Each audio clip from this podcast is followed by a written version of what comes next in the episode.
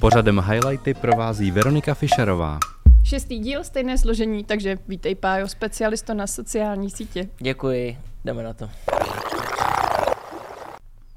Středa nabídla další zápasy MOL Cupu a mě nejvíc zaujaly dva zápasy, když začneme tím prvním. Sparta zavítala do Domažlic, kromě chodských koláčů i vítězství pro ní 1-6.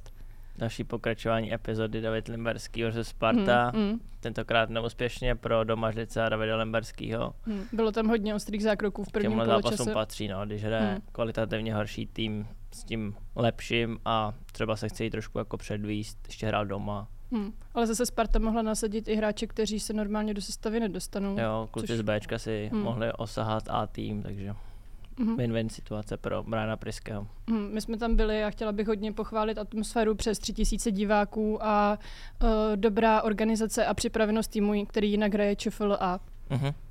uh, když se přesuneme k druhému zápasu, tak uh, Hlučín a Plzeň.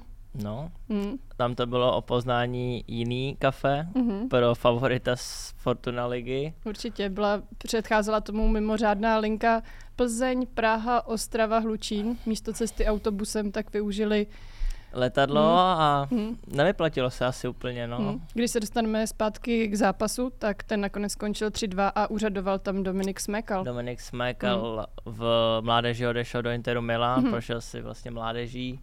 Uh, reprezentant do 19 mm-hmm. let. Pak se neprosadil úplně v Lize, byl v Baníku Ostrava, mm-hmm. v Karviní, nakonec v Opavě, nevyšlo ani jedno angažmá, tak skončil v třetí ligovém Hlučíně.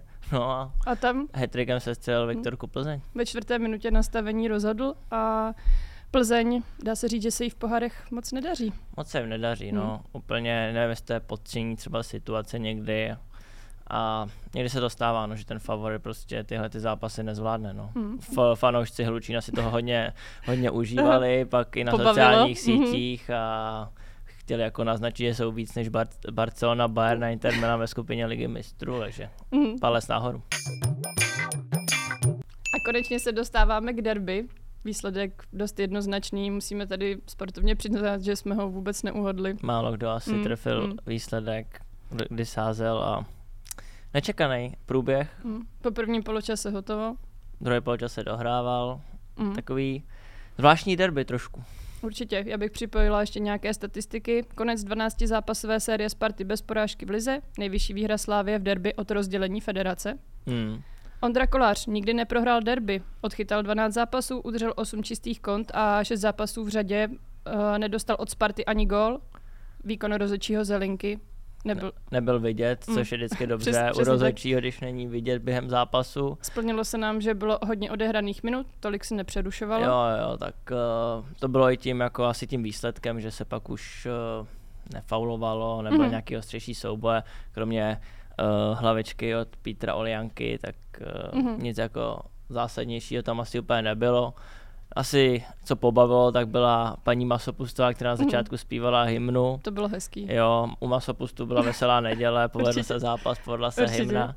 A celkově to Slávě poslední dobou tady ty, tady ty události pojímá tak jako umělecky, snaží mm-hmm. se do toho hrát něco jako navíc. Houslistka. Houslistka, pyro, mm. och, taková jako super choreografie od mm-hmm, tribuny mm-hmm, Sever. Určitě. Jo, jako má to takový západní nádech, takový Bundesligy, nějaký mm. La Ligy a takovýhle si, jako soutěží, takže to palec nahoru, to chválíme. Mm. A i možná to udělalo tu atmosféru, která pak vyburcovala, vyburcovala i hráče. ty slávisty mm. vlastně k tomu, že ty Spartě nedali ani čuchnout. Mm. Mně se líbila závěrečná oslava JTho, ale asi Jindřicha jo, Trpišovského. Trpišovský, ten super trávník, co tam je, ještě, do, Vysko, ještě, ještě, trošku jakoby dodělal. No. Mm. Tam, uh, Manželka musí mít radost, ty kalhoty. Já když si pamatuju, máma vždycky, když mi dala uh, doma hůlo za to, jak mám špinavý kraťasy, za to, to tak nevím. No, tak. A tak on si asi může dovolit koupit nový. No, no i když vypra... jsou vítězní z derby, to bych tak, jako nepral úplně. No. To je pravda, když jsme u těch překvapivých výsledků, tak já si každé pondělí ptám, jak jste hráli vy a uh, pořád je stejná odpověď. No zatím jsme neprohráli, no, zatím no. válcujem. Nechci to, nechci to zakřiknout. Za, zaťukáme a... Ještě nás zbývají uh, dva, dva zápasy do konce, mm-hmm. konce podzimu. Tak nic neměňte a my vám budeme dřepěsti. Zůstaneme u fotbalu, ale přesuneme se do zahraničí. Hrálo se 12. kolo Premier League a na Old Trafford Manchester United uh, přivítal Tottenham. V 69. minutě byl zvýšený stav utkání už na 2-0. A co udělal Ronaldo, prosím Zvýšený tě? stav utkání, to je hezký, to řekla hezky. Aha. Uh, no, odešel. Odmítl střídat, odešel dřív do kabin. Mhm. No, takový trošku zvláštní gesto, ale tak u Cristiano Ronaldo jsme jakoby Hmm. na tyhle ty extempore občas zvyklí, asi není úplně spokojený, nebyl spokojený se svojí, uh, se svým postavením v klubu, ale uh, Hmm. Erik ten Hag ho hodně rychle uzemnil, Připome, připomenul, že vlastně hráč není víc než klub. Určitě. A nějakým způsobem si to asi i vyjasnili, na sociálních sítích se Cristiano hnedka den potom jako omluvil Mhm. mm-hmm. fanouškům, vedení a všem prostě, že tohle si ani on nemůže dovolit Určitě. a Ale mělo to- trest. Mhm, Mělo to, následek mělo to následek, šel trénovat eh, s juniorkou Manchester Mhm. United, byly vtipné věci, jako že kluci z juniorky budou, si fo- budou se fotit Mhm. před uh, autem Cristiano Ronalda a podobně, takže Tak sítě- motivace sítě zase se zase rodě. bavili Mm, trošku. Určitě. No, nebyl na utkání s Chelsea vlastně nominovaný, ale teď už ale bylo oznámeno, že je zpátky v Ačku. back a Like he never left. Tak, Zůstane či nezůstane, to je oč tu běží Kylian Mbappé a jeho snový kontrakt. Tak. nejlépe placený, Hmm. ne fotbalista, ale sportovec v historii. Mhm, Podle odhadu by to mělo být zhruba 126 milionů korun měsíčně. mhm. No, Celková částka by měla být 15,5 miliardy korun. Co by si za takovou sumičku koupil? mm, to jo, těžký teďka takhle. Já bych, Takhle z to, hlavy, je moc peněz podle mě, Hmm, to je to jo. bezbytečný. Já bych to všechno dala na charitu. Za charitu? Nic bych si nenechala. Ne. Mm. Uh, jinak uh, skládá se to ze základního platu, podpisového bonusu, dalších výhod a nově tam jsou i věrnostní bonusy. Jo, to je jak byla, ne? Kartička, Aha, jo, jo, Lidl, no. Tesco. Tak tam si přijdeš na kartička. 5 korun a tady, Jo, dobrý. tady je to trošku víc, no. Hm. Only got 20 dollars in my pocket a přesouváme se. Ať se nevěnujeme jenom fotbalu, tak pojďme k dalšímu sportu a třeba Judu. František Koudelka, STS Ne, Chvojkovice ne, ne. Brod.